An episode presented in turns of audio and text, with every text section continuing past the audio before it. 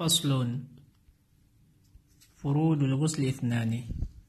An-niyatu wa ta'mimul badani bilma Faslun fasal. Furudul ghusli Fardunya mandi. Ada dua. An-niyatu yang pertama adalah niat. Wa ta'mimul badani Yang kedua adalah meratakan air ke sekujur badan. Jadi yang di sini adalah musonif berbicara tentang rukun atau fardu hal yang wajib dilakukan ketika mandi.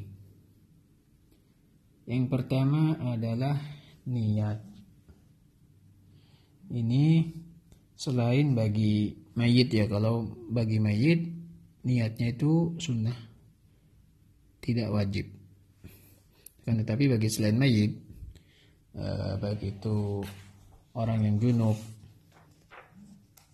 atau head, nifas dan melahirkan, maka dia wajib berniat. Niatnya itu kapan? Sama seperti wudhu. Yaitu ketika awal membasuh badan, ketika awal mengguyurkan air ke badan. Niatnya bagaimana?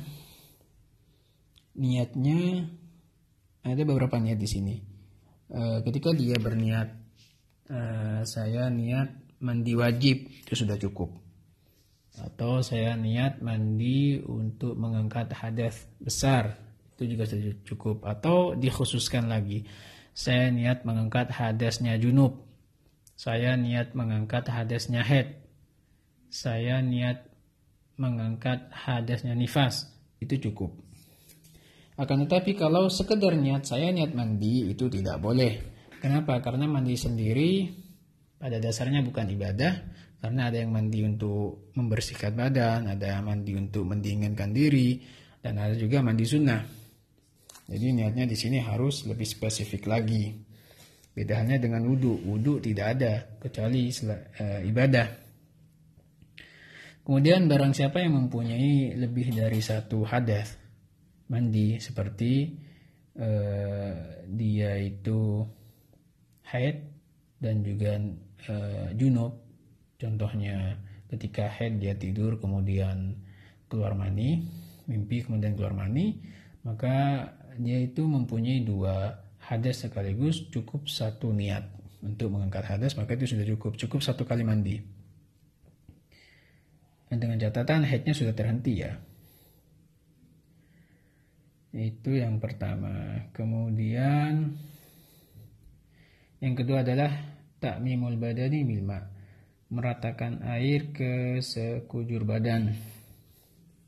Nah ini perlu diperhatikan. Jadi eh, di kepala rambut rambutnya yang gimbal ini ya agak sedikit bermasalah.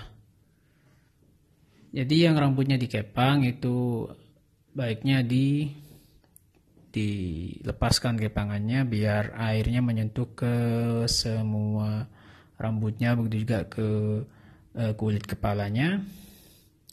Kemudian juga yang perlu diperhatikan dalam meratakan air ke sekujur badan adalah bagian-bagian yang uh, terlipat atau bagian-bagian di seperti di ketiak, di selangkangan, di belakang dan lain sebagainya atau di sela-sela antara tangan. Ini perlu diperhatikan karena di sini disyaratkan air harus menyentuh semua permukaan luar badan dan rambut, baik di kulit maupun rambut. Nah, kemudian bagaimana, eh, begitu juga yang perlu dibasuh itu adalah kulfatul akaf. Eh, mohon maaf, eh, ini biasanya yang bagian yang dipotong eh, ketika khitan itu aslinya wajib dibasuh bagian dalamnya itu. Uh, yang jadi masalah ketika ada mayit tapi dia belum dikhitan lantas bagaimana ketika dia dimandikan? Sedangkan dia tidak boleh tidak bisa disolati kecuali sudah dimandikan. Di sini ulama beda pendapat. Menurut Imam Ibn Hajar cukup ditayamumi saja. Karena kalau dikhitan itu nggak boleh haram. Karena itu uh, merendahkan uh, mayit jadinya. menurut Imam Ibnu Hajar eh, cukup ditayamumi saja kemudian disolati. Sedangkan menurut Imam Romli tidak usah dimandikan apa tidak usah ditayamumi dan tidak usah disolati. Tapi di sini kayaknya pendapat Imam Ibnu Hajar lebih utama. Biar di dia di biar eh, sebelum dimakamkan sudah disolati. Adapun sunnah-sunnahnya mandi di sini ada kurang lebih hampir sama dengan wudhu mulai dari menghadap kiblat membaca bismillah kemudian kumur-kumur membasuh hidung membasuh kedua tangan juga sebelum berniat tadi ketika turun awal di niat itu. E, kemudian e, memperhatikan tempat-tempat yang tertutup itu seperti ketiak selangkangan dan juga di rambut-rambut. Kemudian disunahkan juga melakukan tiga kali sebagai hanya seperti wudhu dan lain sebagainya. Jadi seperti itu. Jadi ini yang bisa kami sampaikan pada pertemuan yang ketiga. Allahu a'lam bishawab.